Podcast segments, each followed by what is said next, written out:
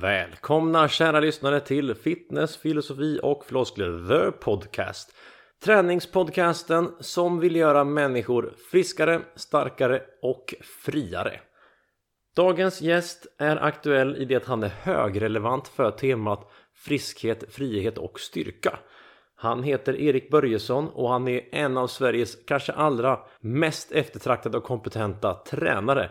Och han är just jätteduktig på rörlighetsträning, styrketräning men kanske inte nödvändigtvis sära på de två begreppen utan att se det som ett enda stort paraplybegrepp med ett överlappande vändiagram snarare att det här är den träningen du gör där och den gör du där borta och aldrig mötas de två.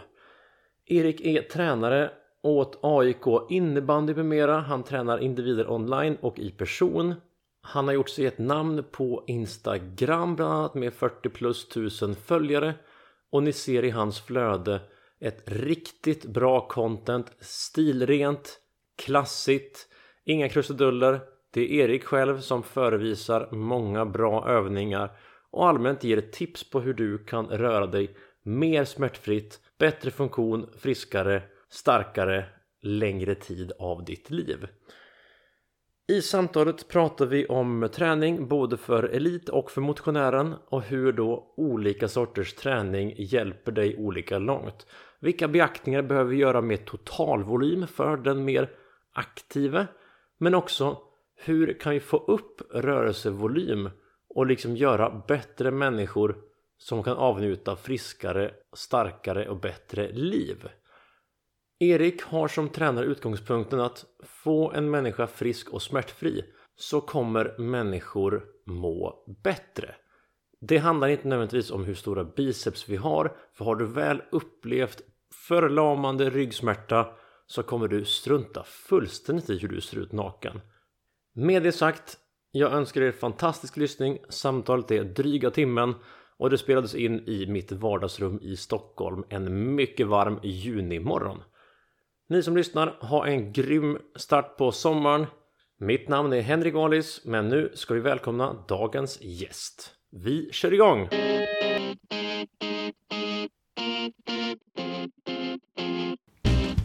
Välkomna till Fitness, filosofi och floskler. Din podcast om träning och den ädla konsten att leva och vara frisk. Med er värd, Henrik Wallis. Är live! Vi är återigen tillbaka här i Fitness, filosofi, floskler. Mitt namn är Henrik Wallis och idag har jag en gäst med mig här. Han är en av Sveriges mest erfarna och eftertraktade personliga tränare med två decennier i yrket. Utbildare för allt från Sats till Eleiko till sin egna skola och utbildningsföretag som heter Human Performance. Tränare på fulltid både online i person men också åt AIK innebandy. Sveriges kanske bäst bevarade 47-åring som också författat två böcker om träning. Snubben som har fler utbildningar i bagaget än han kan räkna till. En expert på att träna allt från löpare till lagidrottare. Men hans kanske starkaste verktyg är just skadeförebyggande träning. Erik Börjesson, välkommen! Stort tack! Superkul! Vad säger du om en sån presentation? Ja, det är, man får ju lätt hybris eh, skulle jag säga. Ja, men du, hybris kan ju ofta leda till skador för människor. Och du är faktiskt här idag för att prata om skadeförebyggande träning. Så är det. Vad är det som gjort att eh, det är liksom din eh, nisch eller specialisering som tränare? Jag vet ju egentligen inte om det är min nisch eller specialisering. Jag tänker egentligen att träning, alltså smart träning är skadeförebyggande träning och att träna människor smart, det, det kanske är en nisch. Okej, Och eh, det tänker jag, det borde vara en nisch för alla människor. Alla tränare. Vem vill inte träna smart? men vad är egentligen skadeförebyggande träning? Det är också en jäkligt bra fråga för det kan ju också vara allt. Eh, och nästan ingenting. Det måste, du måste alltid, tänker jag, sätta det i ett sammanhang. Du måste få kontext i det hela för att du ska kunna berätta vad, vad som eventuellt skulle kunna minska risken för skador och problem. För det kommer aldrig vara samma sak för två olika individer. Nej, men, men vem eller vilka är det för? Vilka behöver... Alla. Är det någon som har tid, råd att bli skadad?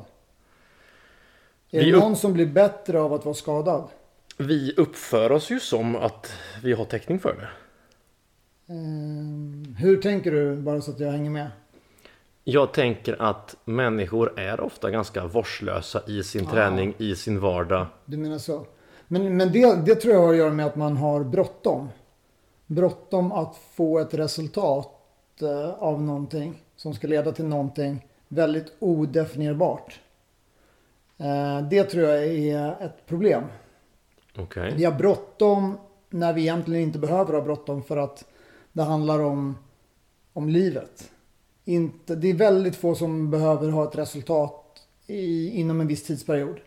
Är du en elitidrottare? Ja, det är OS, ett givet datum. Det är Crossfit Games, ett par dagar som är bestämda. Det är ganska få människor som kommer vara på de tävlingarna.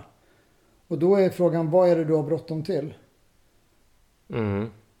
Men är det inte viktigare för människor att eh, se bra ut nakna eller liksom vara duktig på eh, fotboll? Jag vet ju inte, jag kan inte svara för andra människor vad som är viktigare för dem. Men det jag vet är att när man är skadad och, eller har ett problem. Då upptar det väldigt stor del av eh, din eh, vakna tid och din tankeverksamhet för hur du ska bli av med det här. Det är egentligen först när du är skadefri som du verkligen uppskattar att må bra, att inte ha ett problem, att inte vara begränsad i vad du kan göra. Det eh, träffar så många människor som har problem och sen när de eh, slutligen är skadefria förstår och berättar hur bra de mår. Slippa tänka på det här, den här skadan som har begränsat dem så länge. Eh, och då ändras många gånger deras eh, fokus och syfte med träningen. Absolut att det är många som vill se bra ut utan kläder liksom och sådär.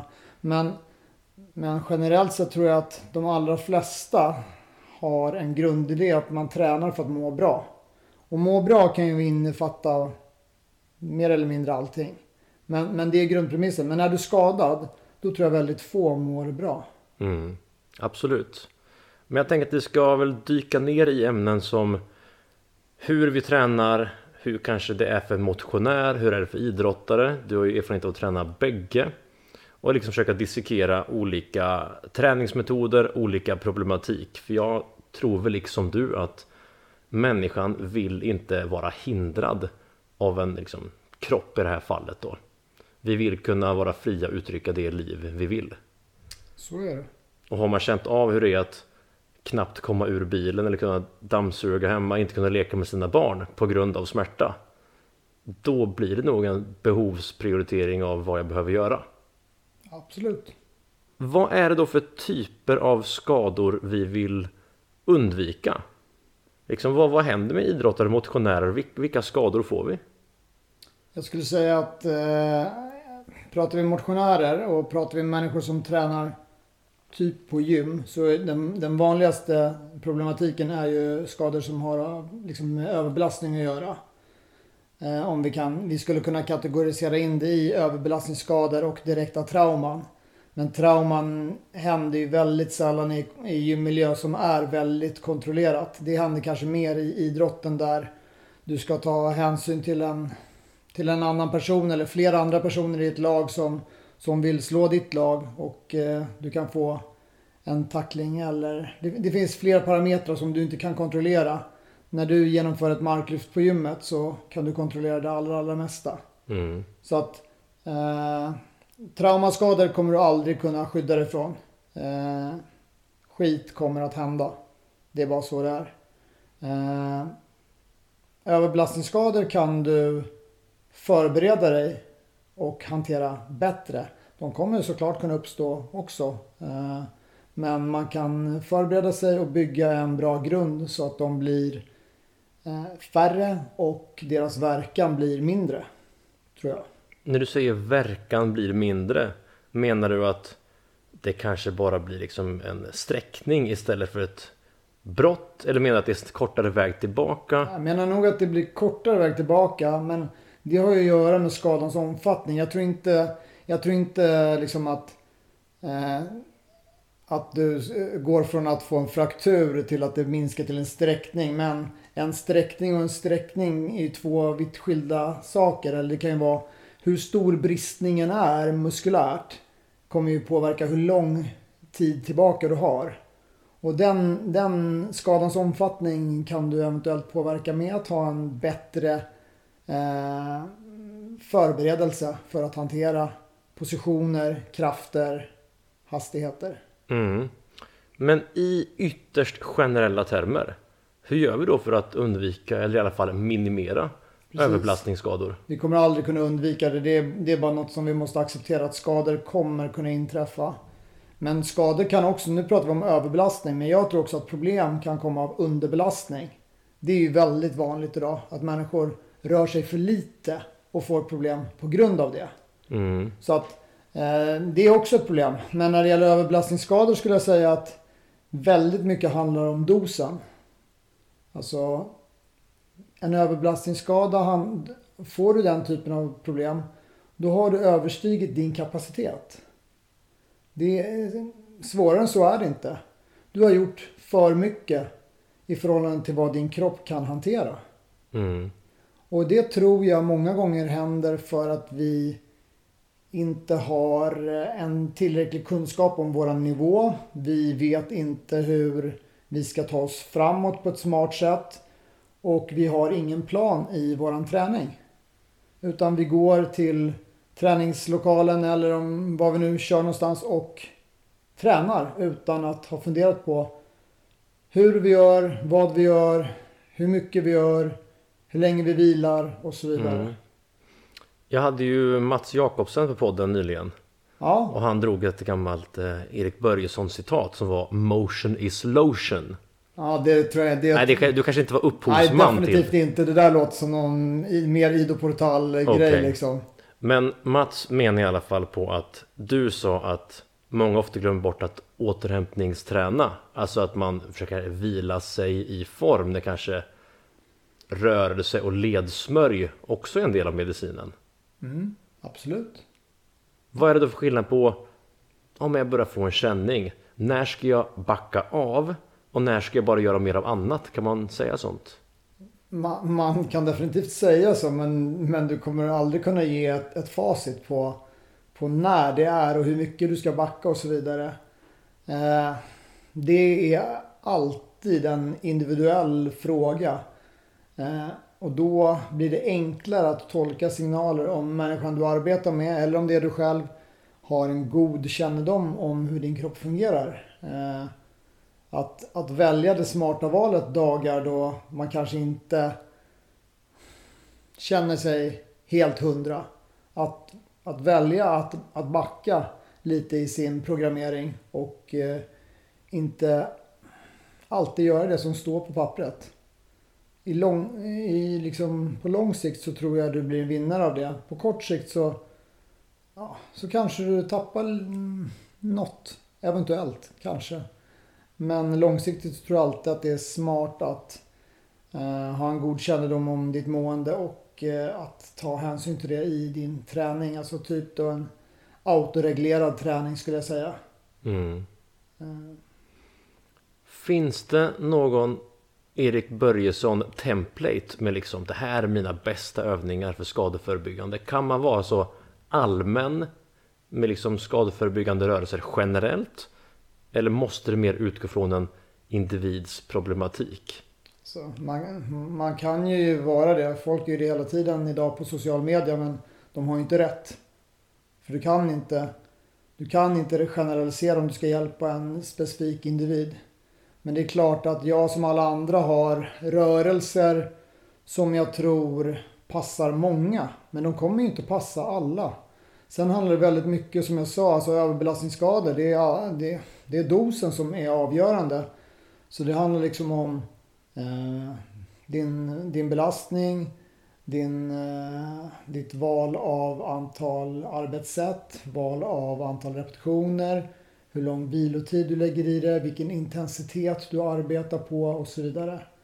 Eh, och det förstår jag att som liksom, gemene man som går till gymmet så har man kanske inte de funderingarna. Men jag tänker att alla som arbetar professionellt som tränare bör ju ha en tydlig sån plan i sina program för klienter. Mm. Men jag, jag minns ju när Knees Over Toes Guy kom för ett par år sedan. Och helt plötsligt började alla göra eh, vad heter de? Peterson Step Up, Jefferson Curls. Och det blev liksom slags template för det här förebygger skador generellt. Ja, och så funkar det ju inte.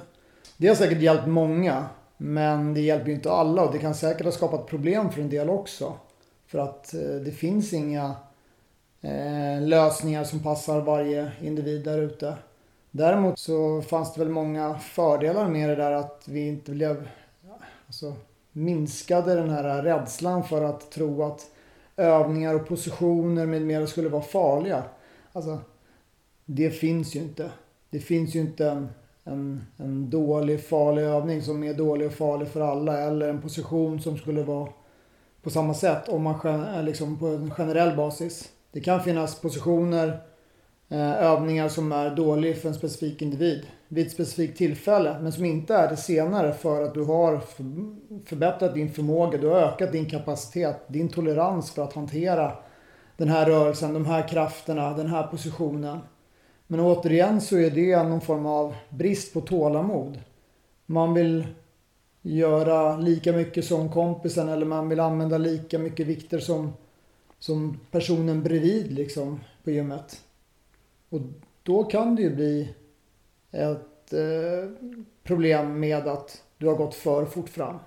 Okej. Men om vi bara säger så här. Om vi utgår från att Erik Börjesson har sagt Motion is lotion. Det har jag inte. Okej. Men vi säger det då. Vi Så säger- att Mads ska bli glad. Ja. Finns det då några sorters motions, alltså några rörelser, rörelseplan, övningar som du skulle säga att ja, men det här kan du nog göra nu för att kanske förebygga skador generellt? Något som kanske är underutnyttjat i klassisk gymträning, crossfit. Typ, vi gör ju inte, gjorde ju inte så mycket rotation eller sidofäll, lateral flexion i crossfit tidigare. Nej, så, så det kan ju varit lite... Jag skulle aldrig kalla crossfit för enkelspårigt. Men det, visst, det kanske fanns avsaknad av vissa Eh, rörelser i crossfiten. I alla fall i en större volym. Men det är, alltså jag, jag förstår precis att man gärna vill ha ett, ett tydligt svar att ja det här saknas och så vidare. Men, men det vore lite att, att så här ljuga att säga att det gör det. För att då drar man alla över en kam och det, det kan vara rätt orättvist liksom. Men jag tror generellt sett eh, ändå, om vi tittar på träningsvärlden i stort så tror jag att människor tränar ganska mycket styrka. Framförallt killar tränar mycket styrka. Det är en viktig komponent. Och, och förstå mig rätt, alltså styrka är för mig också det, är det absolut viktigaste. Eh, styrka gör att livet blir lättare. Alla borde sträva efter att bli starkare. Det är absolut eh, superviktigt.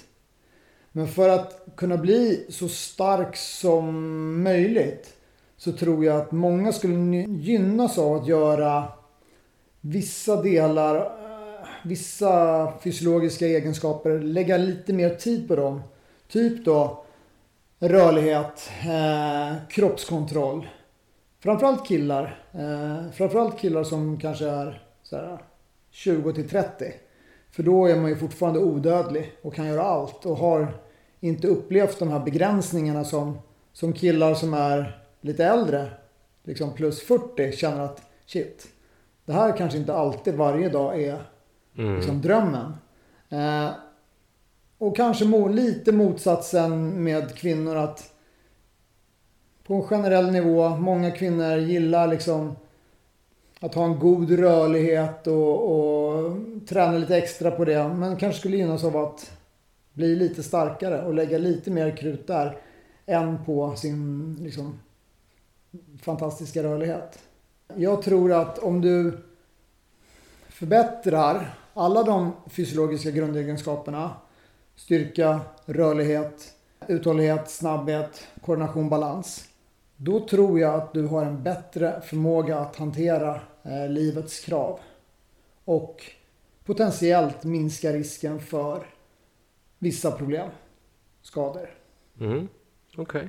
Men nu fiskar jag ju efter lite liksom tips och tricks och genvägar, någon konkret takeaway. Så om vi... Om jag är då kille mellan 20 och 30 och lyssnar på det här. Jag är så okej, okay, ja men du har faktiskt rätt Erik Börjesson. Jag är nog lite för mycket åt styrkehållet när jag borde ha lite mer rörlighet. Vad är en, två stretchar jag kan göra nu? Och då kanske man också ska säga att stretch är ju inte nödvändigt för att bli rörlig. Liksom. Det är ju en metod, ett verktyg som man kan använda för att bli rörligare. Men, men styrketräning är ju också ett väldigt eh, effektivt sätt för, eh, för att bli rörligare. Och bevisat liksom. Alltså, då behöver du träna i ett fullt omfång och välja eh, rörelser där du tillåts ta ut ett fullt omfång i både muskulärt och ledmässigt. Så att eh, man, man kanske inte måste liksom såhär, koka ner det till att du behöver stretcha för att bli rörligare. Men du kanske måste bredda din, din styrketräning för att bli rörligare. Du kanske måste, som du själv var inne på lite, eh, lära dig att hantera alla de tre rörelseplanen lite oftare, lite bättre till ett större omfång. Då blir du lite mer förberedd. Det är ju liksom en idé att arbeta. Sen så kan ju återigen då, det är inget fel att stretcha. Det är en bekräftad metod som fungerar. Man behöver dock lägga ganska mycket tid för att det ska vara effektivt. Ehm, jag gick en workshop med eh, Andreas Spina som grundade FRC om du har koll oh, på yes. det systemet. Functional Range Conditioning. Exakt. Och där hävdade han att du behöver för att du ska påverka kroppen på vävnadsnivå när, det, när du pratar rörlighet så behöver du hålla en position i minst två minuter. Eh, om du håller kortare än två minuter så kommer du framförallt att påverka eh, nervsystemet. Som kommer att tillåta dig att släppa lite grann på positionen när det känner sig tryggt. Och du kommer att kunna vinna 10-15 grader på ja, några sekunder. Men det kommer inte bli mycket mer än 10-15 grader om du inte håller då. Mer än två minuter i positionen för en specifik vävnad. Gör det frekvent under en längre tidsperiod. Då kan du bli liksom rörligare. Eh, mm. Liksom på vävnadsnivå. Och, och jag vet inte, du är i gymmet eh, ofta. Hur ofta ser du någon som håller en, en stretchposition i minst två minuter? Inte på vårt gym. Nej, Nej jag kanske inte ser det alls överhuvudtaget. Jag tror nog att i crossfit-sfären så har väl nog dynamisk stretch fått mer utrymme. Men absolut, stretching nedvarv, nej jag skulle nog säga sub 45 sekunder, sub 30 kanske till och med. Ja, och då, då pratar vi liksom en del. Om du då ska bli rörligare så du kan ju inte bara liksom stretcha en muskel. Det, det, det kommer inte hjälpa helheten.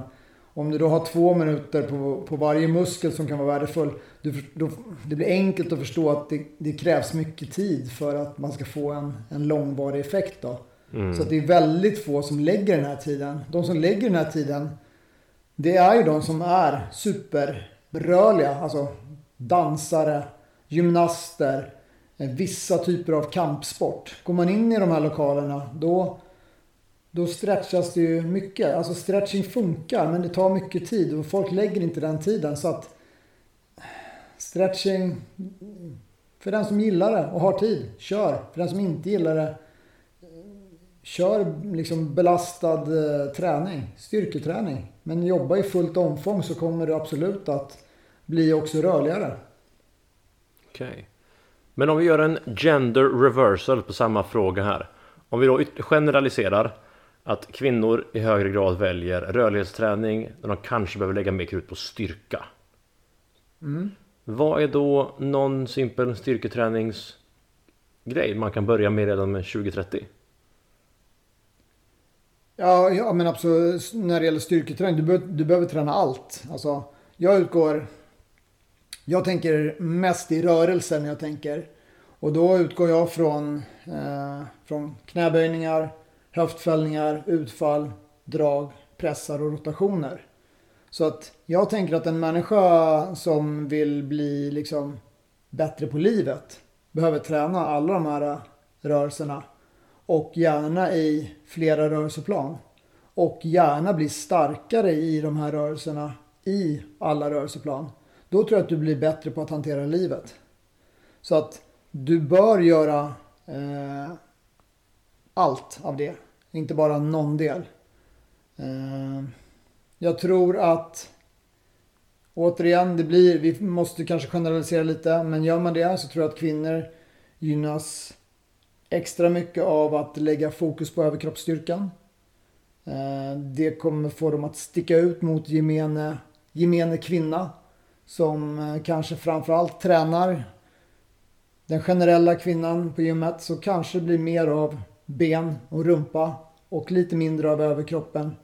Så att jag tror att man har en, en stor eh, potential att, att vara i liksom den högre procenten om man eh, tränar styrketräning för överkroppen hårt som kvinna. Absolut. Men om jag redan är skadad Erik, nu har skadan redan skett. Nu, Ja. nu kan jag inte bara förebygga för det finns en skada. Hur ska jag träna då? Det, det beror givetvis på vilken typ av skada det är. Alltså, det finns ju mängder med skador som det finns tydliga protokoll för hur man arbetar. Men, men återigen så, så tror jag att du behöver förstå att du måste backa bandet. Du behöver egentligen inte, det finns inte så här magiska övningar. Det, det är den här övningen som kommer att göra att din skada försvinner. Du behöver träna återigen alla de här grundläggande rörelserna. Du behöver börja med en lägre dos, en lägre belastning än du har arbetat på tidigare och börja bygga din kapacitet från grunden. Små steg framåt varje vecka. Jag pratar alltid om eh, Sergej Bubka. Mm, Världsrekord eh, stavhopp. Ja, 35 världsrekord i stavhopp. Inomhus och utomhus. Han var ju stor på 90-talet så att när jag pratar om Bubka nu på mina utbildningar då är det ju... Det är inte många som vet vem det är. Nej, okej. Så det visar ju på att jag har, jag har blivit äldre liksom. Men Sergej Bubka hade ju idén av att han eh, höjde alltid världsrekordet med en centimeter. För det var så man på den tiden, eh, speciellt när man bodde i eh, gamla liksom, Sovjetstater, tjänade pengar. Man kunde få en sportbil eller en diamant eller så när man satte världsrekord på de här stora galorna. Så att briljant nog så ökade han ju bara med en centimeter i taget och till slut då totalt 35 världsrekord. Så hade han väl ett bra garage hemma i, i Kiev liksom. Mm. Som han kanske kunde leva på senare. Men eh, jag tror att många människor skulle gynnas av att arbeta efter att sätta egna små världsrekord. Och gradvis flytta ribban högre och högre upp. Eh, men att utgå från ditt nuläge, inte ditt PR. Som du alltid tar upp liksom att Jo men om jag frågar dig Henrik, liksom, vad har du tagit i, i marklyft? Då kommer du svara ditt bästa resultat någonsin. Och för många människor, speciellt om man är plus 40, så är de åren, då får man backa bandet 10, 15, 20 år. Och det är inte relevant. Det är inte relevant vad du gjorde för 15 år sedan. Det är inte ditt max idag. Så du behöver liksom utgå från någon form av nuläge och därifrån bygga ditt världsrekord. Ta en centimeter. Om du kan förbättra dig med så lite som vi kan säga ett kilo i veckan i marklyft. Det är 52 kilo om året. 52 kilo om året i marklyft det är svinbra. Om du skulle kunna ha den ökningen progressivt år efter år efter år, då är du världsmästare inom kort liksom. Så enkelt funkar det inte, men du förstår idén Absolut. av att du snart kan vara världsmästare om du är smart här och ökar bara Mm. ett kilo i veckan. För det är ju inte så jäkla farligt, eller hur? Men tror du gemene personlighetstyp är så pass samvetsgrann, disciplinerad, målmedveten att man klarar det här själv liksom? Eh, uppenbarligen inte. Nej. Vad kan en tränare tillföra då? Liksom, hur hur kan jag få den här? Okej. Det är det är precis det här en tränare tillför. Alltså en tränare som inte har en tydlig strukturerad plan för hur jag ska ta dig från att vara en bra tränad person till att bli bäst i världen. Det är väl eh, fantastiskt liksom. Och det är väl, alltså tränarens roll är att få dig att bli din egna form av världsmästare. Att bli ditt bästa jag. Jag träffar mängder med människor som tränar alltså, relativt lite ska jag ändå säga. En till två gånger i veckan. Det är alltså för oss som är i en konstig miljö där folk tränar typ varje dag. Mm. Så känns det som en till två gånger i veckan som lite. Men det är ju mer än de allra flesta människor i Sverige idag tränar. Men med en så generellt sett låg träningsvolym så är det många som kan få fantastiska resultat om de har ett strukturerat, välbalanserat, planerat, progressivt eh, ökande program. Mm. Problemet är ju att människor inte har det. De går till träningslokalen, löpspåret och gör samma sak som de gjorde förra veckan. Och blir då ungefär lika bra som de var veckan innan. Vissa mm. hälsofördelar kommer du såklart kunna tillgodose dig. Men du blir inte så jäkla mycket bättre om du lyfter samma vikt, samma reps, samma antal set, samma vila. Vecka ut och vecka in. Eller? Har du sett Nej, någon det... som sätter världsrekord det sättet? Nej, och det leder mig till eh, den här floskeln. Don't guess, progress. Ja, alltså i alla, fall, I alla fall om det är ditt yrke. Om du är tränare. Då tar jag för givet att du, du gissar så lite som möjligt. Du kommer alltid gissa någon gång. Alltså, du kan aldrig veta. Hade du haft svaren så då hade man inte suttit här. Då hade du varit någon annanstans. Och folk hade stått i en lång, lång kö för att liksom mm. få hälsa på dig. Liksom. Du förstår grejen. Mm. Det är ingen människa som, som vet svar innan det har hänt. Då är man ju på en annan planet. Eh, men du vill ju gissa så lite som möjligt. Om jag har träffat en klient varje vecka under en period. Så, och jag hela tiden bokför vad som sker, vad de presterar. Eh, följer utvecklingen. Så har jag en ganska god idé om vad som kommer att hända nästa pass. Jag gissar lite mindre. Mm. Ju mindre jag gissar desto bättre kommer min träffsäkerhet att vara.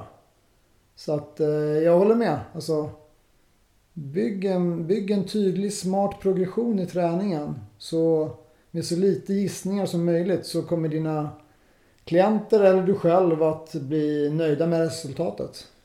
Jag köper det. Det är också vårt jobb som tränare att, tycker jag, hjälpa människor att komma vidare och hjälpa människor att ta i. Alltså det kommer inte naturligt för alla att eh, ta i. Nej. Och dessutom så besiktningsprotokollet varje år blir ju större och större. Vi blir ju inte yngre. Det blir ju kanske svårare att komma upp med en plan ju mer omfattande besiktningsprotokollet med skador är. Så att jag skulle nog säga att vi behöver mer och mer hjälp från tränare ju äldre vi blir om vi inte har kommit igång tidigare. Men typ naturlig förslitning, alltså artros liknande. Mm. Hur tänker vi där? Jag har haft en skada väldigt länge. Jag är en kille med dåligt knä. Jag kanske har ett artrosknä. Mm. Det, är ju van, det är en vanlig sägning man, eller jag hör. Och jag, eh, det första jag tänker är väl att det är många människor jag möter som, som är sin skada eller sitt problem eller som blir sin skada eller problem. Vilket så bör det inte vara. För att visst, vissa saker kommer inte att försvinna. Så är det bara. Vissa skador är for life. Artros kommer inte att försvinna. Men artros är också som allt annat. Det måste sättas i sammanhang. Vem är individen? Var har man artros någonstans? Vilka aktiviteter vill man göra? Eh, jag har mängder med, med goda exempel på människor som har eh, artros och som kan göra de mest fantastiska saker trots det.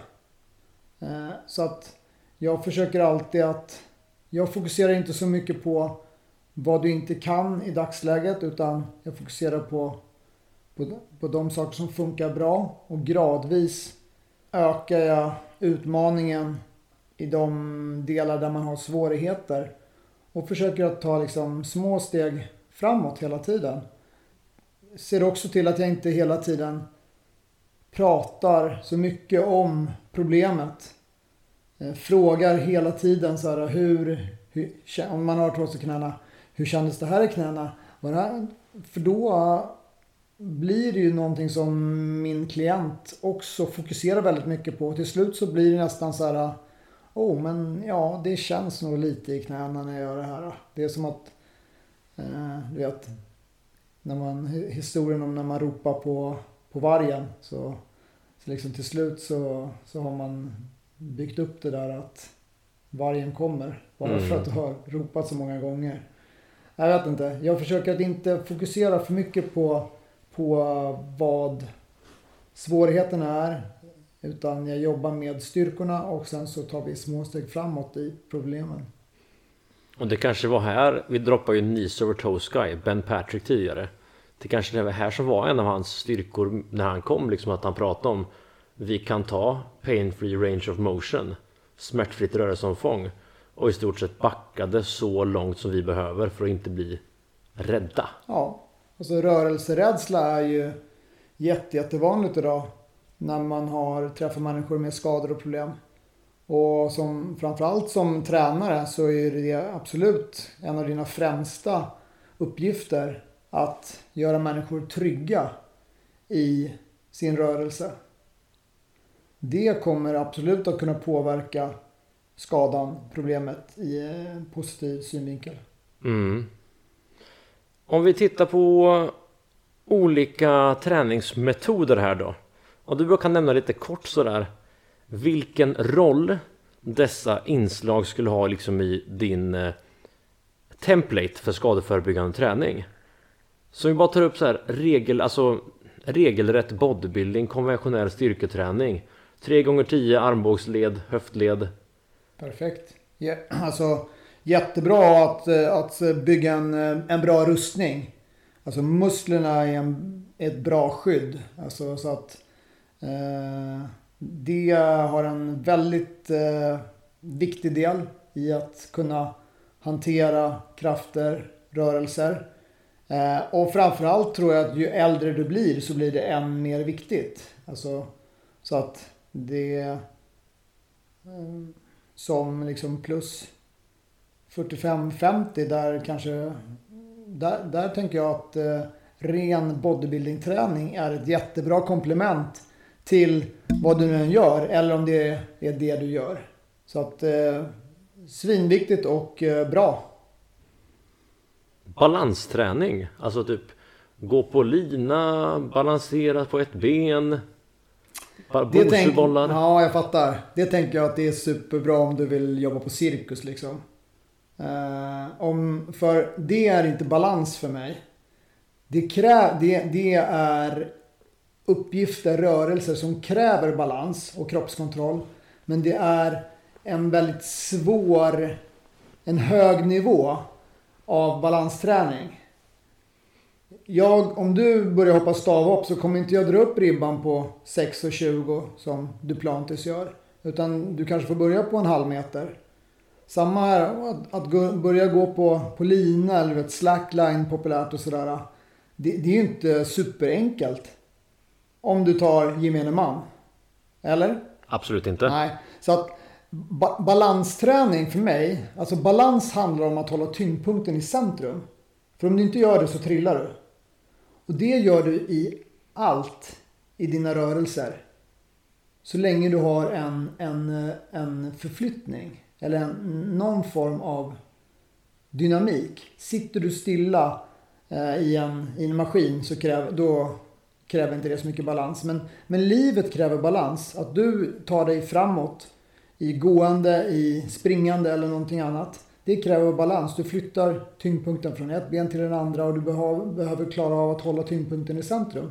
Likadant är det i klassiska gymövningar. Så det är samma sak. Det är balansträning för mig. Det du nämner, det skulle jag säga är, det är mer skills. det är högt upp i, i min rörelsepyramid. Och det kan, vara, det kan vara effektivt att förbättra en redan god förmåga. Men jag tror inte att det är där man börjar. Men om jag ska svara på frågan så tror jag att balans, koordination, kroppskontroll är viktigt för att minska risken för problem. Mm. Men jag tror inte att, att de, dina, ditt val av strategier, dina verktyg för att utveckla det kanske är de där de flesta behöver att verka. Så en eh, gemene kontorsråtta får kanske mer eller bättre effekt då av split squats, ja. utfallssteg? Ja, eh, utfallsgång liksom. Det är, det är ju jättebalanskrävande. Om du dessutom väljer att, att göra det med objekten längre bort från centrum, till exempel över huvudet, eller en arm över huvudet, så blir det otroligt eh, stora krav på balans och kroppskontroll. Det tror jag är en mycket mer eh, fungerande strategi för gemene man. Mm. Och du nämnde det förut i samband med Dr. André Ospina, passiv stretch. Hur skulle det kunna förebygga skador om du nu gör det? Det är alldeles för enkelt att säga att det skulle göra det. För jag tror inte att passiv stretch enbart förebygger skador. Jag tror att det är väldigt få saker som isolerat hjälper mot en skada. Eh, för en skada kommer inträffa i en miljö som kräver mycket, mycket mer. En mycket mer komplex situation. Passiv stretch tror jag kan vara ett bra sätt för människor som upplever en eh, begränsning i sin flexibilitet. Så är det ett bra sätt att göra vävnaden lite mer mottaglig för rörelse som kommer längre fram i träningen. Eh, som kommer vara lite mer kravfylld. Så jag... Skulle du backa liksom min träning x antal år tillbaka. 6, 7, 8 år sedan. Då hade jag nog sagt så här passiv stretch är liksom totalt menlöst.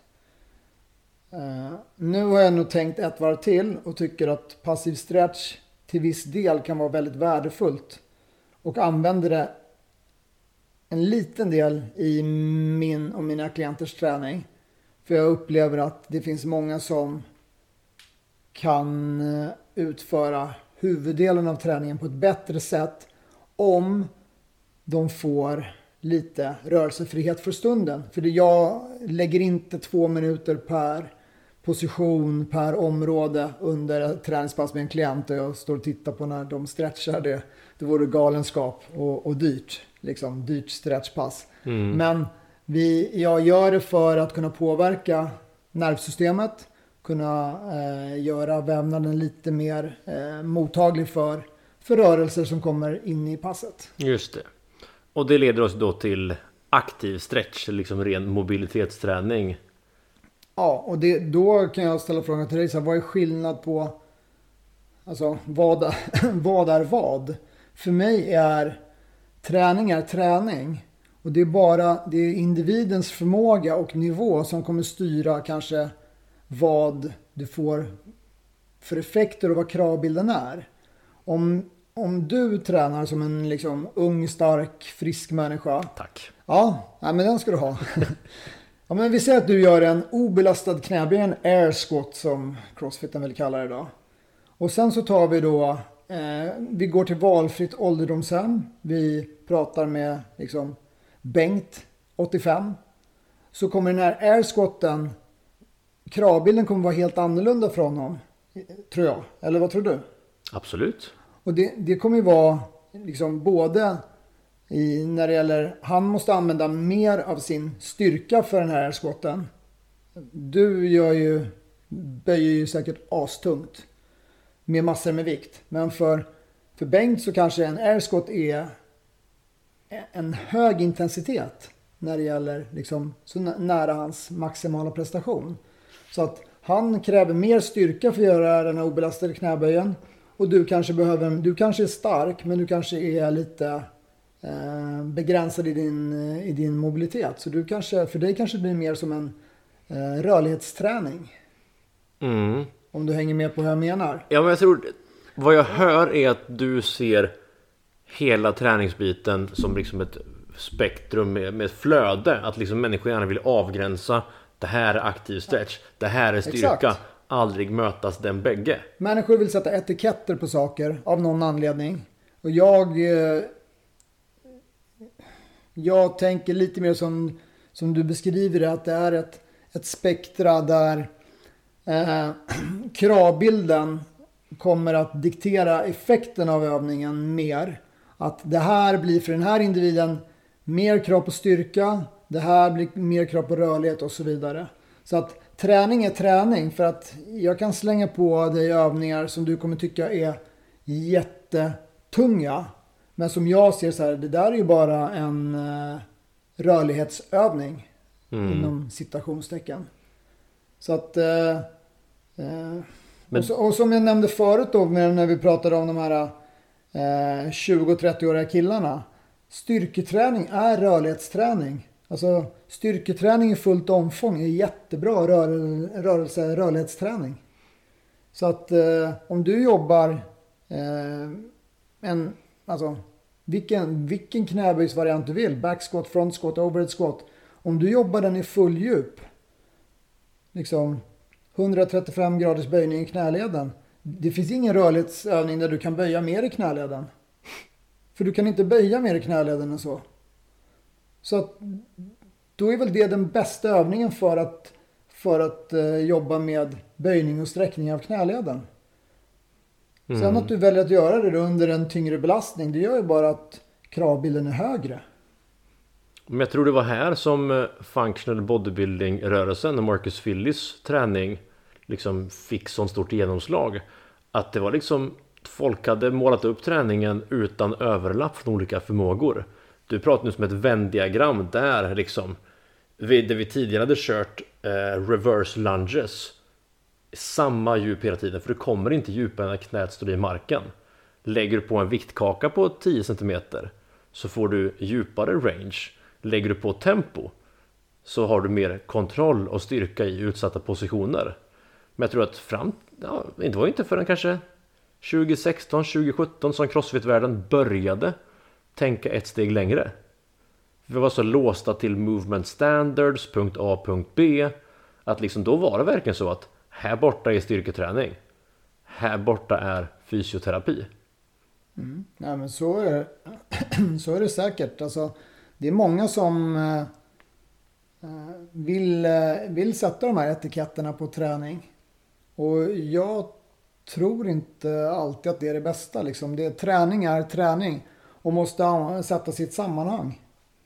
Eh, Mm. Men om vi pratar om träning här nu då. Hur bör en idrottare träna om jag då vill förbättra prestation och förebygga skador?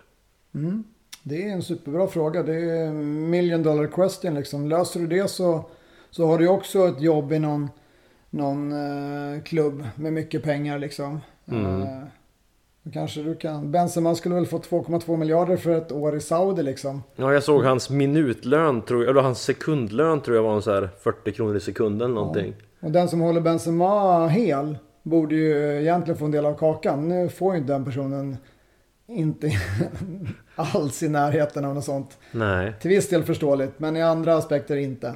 Men idrottare så här, generellt sett, öka prestationsförmågan superenkelt. Du måste träna idrotten. Alltså mina killar spelar innebandy i högsta serien. Vår ambition är att vinna varje match. Och gör vi det så vinner vi SM-guld och är bäst i, i världen. Det, det är ambitionen. Om vi vill bli bra på att vinna matcher i innebandy, då är det svaret enkelt. Vad ska vi göra? Vi ska spela innebandy. Alltså superenkelt. Sen blir det ju svårare. Hur ser vi till att alla våra spelare kan träna innebandy alla pass i veckan vi har? Det är där problemet kommer. För om du är skadad eller du har ett problem och avstår eller behöver avstå 50% av passen. Hur bra blir man på innebandy då? Alltså om vi pratar om progression tidigare. Om du normalt sett har tränat din sport 4-5 dagar, 6 dagar i veckan och nu enbart tränar 2-3 dagar i veckan. Svårt att bli bättre kanske. Kanske. Det beror lite på. Men för de flesta så är inte svaret att träna mindre. Så att som min uppgift, jag är både, jag är assisterande tränare med fysansvaret då. Min uppgift och min syn på fysträningen för mina spelare, det är att den ska vara, den ska framförallt se till att de tränar alla våra pass där vi tränar sporten. Det är uppgiften. Att någon får en bättre tid på 3-2-1 intervaller. Det är jättebra. Men jag har ingen aning om den kommer skjuta bollen i krysset fler gånger under en match på grund av det. Eller tack vare det. Troligtvis inte om vi ska vara ärliga. Det bästa vore om vi tränade på att skjuta bollen i krysset. Eller hur? Okej, okay, så du ser träning som sätt kanske att hålla specificitetsprincipen så fungerande som möjligt? Ja, 100 procent. Och, alltså, och där tror jag ibland att fystränare, det är, för mycket, det är lite för mycket så här, men vi, vi ska bli eh, snabbare liksom. Jättebra. Hur mycket tid har vi för att göra någon snabbare? Alltså, om du tittar på de bästa sprintersarna i världen. Så lägger de, de det, är, det, är det, de, det är det de tränar för. Hur många är det som blir snabbare liksom? Okej att de är, de är högst upp i hierarkin. Det är svårt, det är svårt för Usain Bolt att kapa en hundradel. Aha. Men du fattar grejen. Alltså att du måste lägga mycket tid för att bli en hundradel snabbare för en sprinter på 100 meter. Det är ju skitbra om man lyckas. Men en lagidrott så, så är det ju sällan du liksom en hundradel här eller där. Det är inte märkbart. Så du måste, man behöver alltid balansera. Lagidrott eller elitidrott överlag kan nog många gånger handla om att effektivisera tiden i träning. Det är ett problem. Hur ska jag, de här timmarna som vi nu har, vad ska jag fylla dem med? För att vi ska vinna matchen den här veckan, matchen nästa vecka och så vidare och så vidare. Det är pusslet man behöver lägga. Men vi är tillbaka när vi pratar, det, och det är biten som handlar om prestation. Om vi pratar om biten som handlar om att eh, vara skadeförebyggande. Då behöver man ju också se på den här dosen. Alltså hur mycket dos kan jag lägga i sporten, i uthållighetsträning, i styrketräning, i rörlighetsträning utan att det blir för mycket eller utan att det blir för lite. Så att det blir underbelastningskaraktär, överbelastningskaraktär. Det är också ett pussel att lägga. Och när man har lagt det pusslet, hur mycket tid jag kan lägga på, på de olika fysiologiska egenskaperna. Då behöver du fundera på, okej, okay, vi behöver träna styrka för vi tror att Eh, en bra rustning, en bra eh, nivå där kan göra att vi står emot krafter lite bättre. Kanske kan bli lite mer toleranta och eventuellt minska skadan eller skadans omfattning lite grann. Då behöver man fylla liksom styrkedelen. Vilka delar i styrketräningen är viktiga för den här personen? För den här personens förutsättningar, för den personens idrott och så vidare. Så det, det, är, mycket, mm. det är mycket pusslande. Jag förstår precis att alla vill ha eh, facit och ett svar som inte finns om någon ger dig det facit så tror jag att de tyvärr inte har tänkt så många varv på frågan. Mm. Då är vi tillbaka på hybris igen. Ja, så är det ju. Okay. Men det brukar ju ofta vara aik som kommer med hybrisen. Men eh, i, det här, eh, i den här uh, frågan så är min hybris inte hög. Nej. Uh. Okej, okay, men från elit till motionär. Alltså vare sig du spelar liksom korpen fotboll eller att bara vill vara frisk liksom. Hur ehm, ska vi... Hur är träningen olik? Hur ska vi träna olika? För det är uppenbart att eliten behöver ha liksom ett vågspel mellan många, många variabler och se över totalvolym. En eh, stillasittande kontorsnisse har ju inte så mycket to totalvolym att beakta. Nej, så är det. det, det där är det, det andra aspekter där du har väldigt lite tid. Och hur ska, jag, hur ska jag få in alla de här delarna som ändå kommer att kunna påverka dig positivt på den lilla tiden? Eh, och där landar det väl ofta i att man gör det man tycker är roligast. Och det, det är väl någonstans, in, det är väl inte fel liksom. Men det kanske inte alltid är det bästa. Alltså om du, om du, eh, när jag träffar nya klienter så skulle jag säga att det vanligaste svaret på vad de vill uppnå är att må bra eller må bättre. Och, och rent krasst då, om du vill må bättre, då skulle jag säga att då behöver du träna alla de fysiologiska grundegenskaperna. Men det blir ju ofta någon som stryker på foten, liksom, av någon anledning. Alltså lite är det så här, om vi generaliserar, att man är mer lagd åt styrkehållet eller mer lagd åt uthållighetshållet. Mm. Eller håller, håller du inte med mig? Ja men jag kan väl nog se det absolut. Och då, och då blir det så här, alltså att öka din uthållighet, att öka hjärtat och lungornas förmåga. Det kommer ju absolut att kunna bidra positivt till ditt liv. Livet kommer bli enklare eh, att hantera.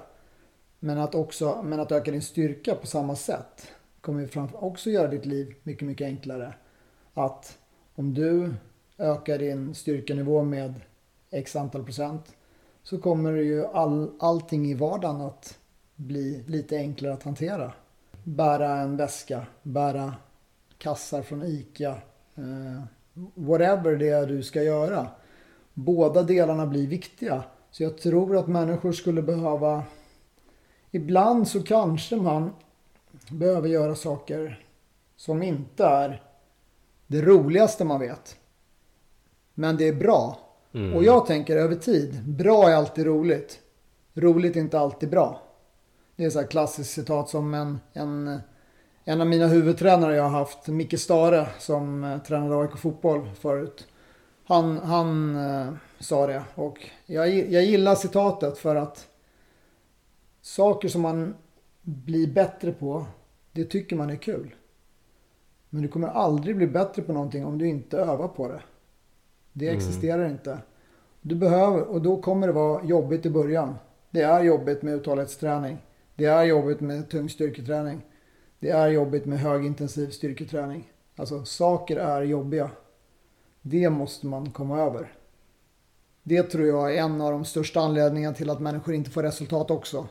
Jag tror du sa det i början när vi snackade men att man inte tar i tillräckligt mycket oavsett vad det är man gör.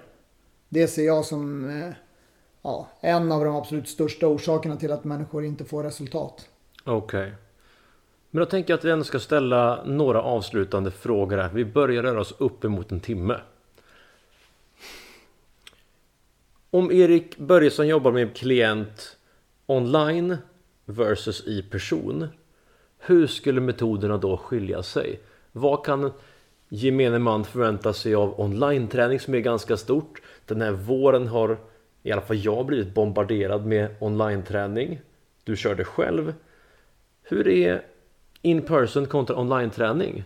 Både hos Erik Börjesson men också då hos alltså generellt. Generellt kan jag inte svara på. Jag vet inte vad andra människor gör och hur de tänker. Men för mig så... Den stora skillnaden är ju eh, tiden för feedback. Den är ju mycket längre online. Alltså, så tiden att kunna korrigera någonting, att kunna hjälpa någon är längre när det är online-träning. Om jag har en klient fysiskt framför mig så tar ju det x antal sekunder att förklara vad jag vill se och vad jag tror att man behöver göra för att jag ska se det. Eller för att man ska skapa en förändring. Online så kan det ju vara mycket svårare för det kan ofta börja med en att man får ett meddelande att det här, eh, den här rörelsen, den här övningen kändes på det här sättet. Och då behöver jag oftast ställa några frågor tillbaka. Liksom, hur kändes det? Var kändes det? Och så vidare. Och sen så får jag vänta på svaret på det. Och eventuellt därefter så kan jag ge ett tips, ett råd på hur de ska förändra det till nästa träningspass. Eh, det är inte ovanligt att klienter filmar sig själva och då går det ju snabbare. Då kan jag, då kan jag ge så här, tänk på det här till exempel.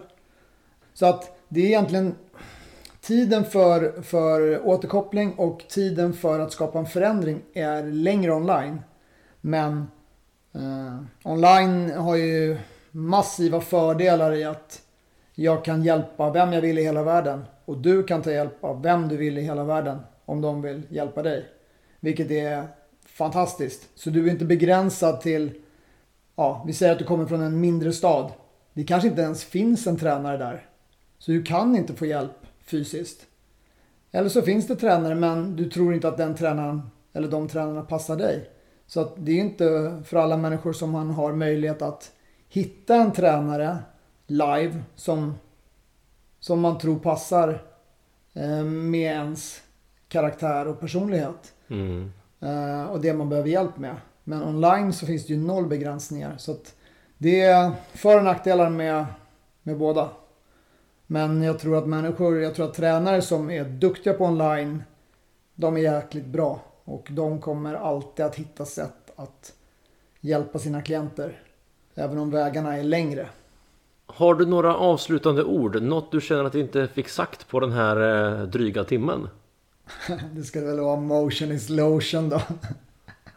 Så att då kan jag ändå Mads hävda att jag har sagt det en gång.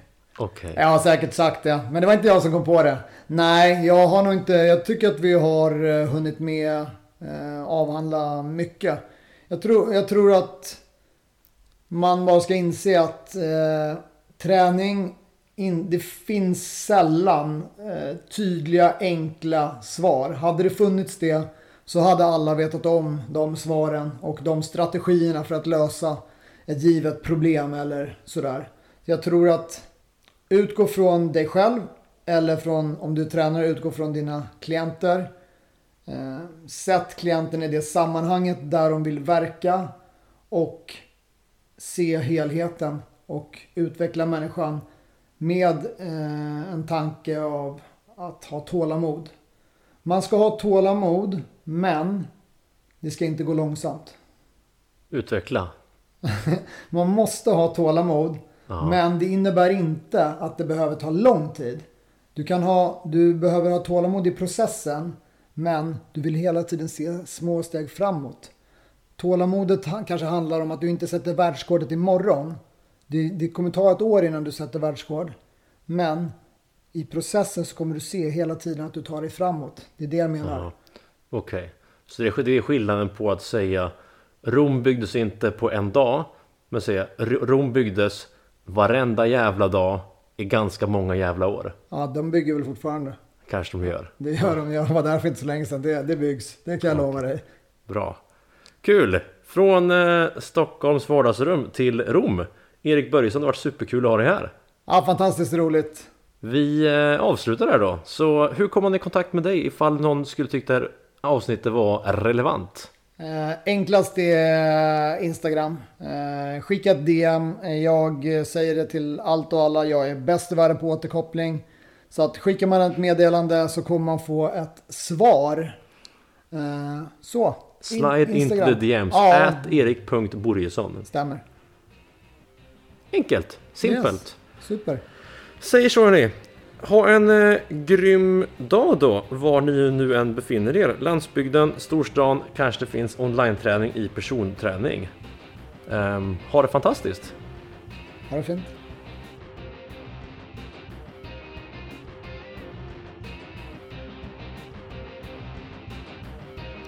Och där sätter vi slut för podden den här gången. Om ni tycker om det ni lyssnar på skulle det hjälpa jättemycket om ni kunde gå in och lämna en review av podcasten. Kanske skicka det här avsnittet till någon som har en lite uppgiven syn på träning och rörelse i det stora hela. Som kanske håller fast vid den här historien om mitt artrosknä och ser det som väldigt statiskt. Både Erik och jag är ju av övertygelsen att movement is medicine, motion is lotion och så vidare. Och att vi faktiskt kan progressivt bygga upp våra kroppar för att få bättre liv och må bättre helt enkelt. Tyckte du om innehållet? Följ oss på sociala medier. Erik heter då erik.borgesson och hänger mestadels på Instagram professionellt. Du når mig på @henrikvalis, @fitnessfilosofifloskler och vill du komma i kontakt med någon av oss som tränare så är vi bägge två verksamma på Crossfit Nordic i Vasastan, Stockholm. Ni kan då kolla in crossfitnordic.se så hittar ni oss under Vi på Nordic personal. Jag önskar er en fantastisk dag. Friskare, starkare, friare. Skapa mer, konsumera mindre. Det här är Fitness Filosofi Floskler och vi säger ha en grym sommar. Vi ses snart igen. Tjing tjing!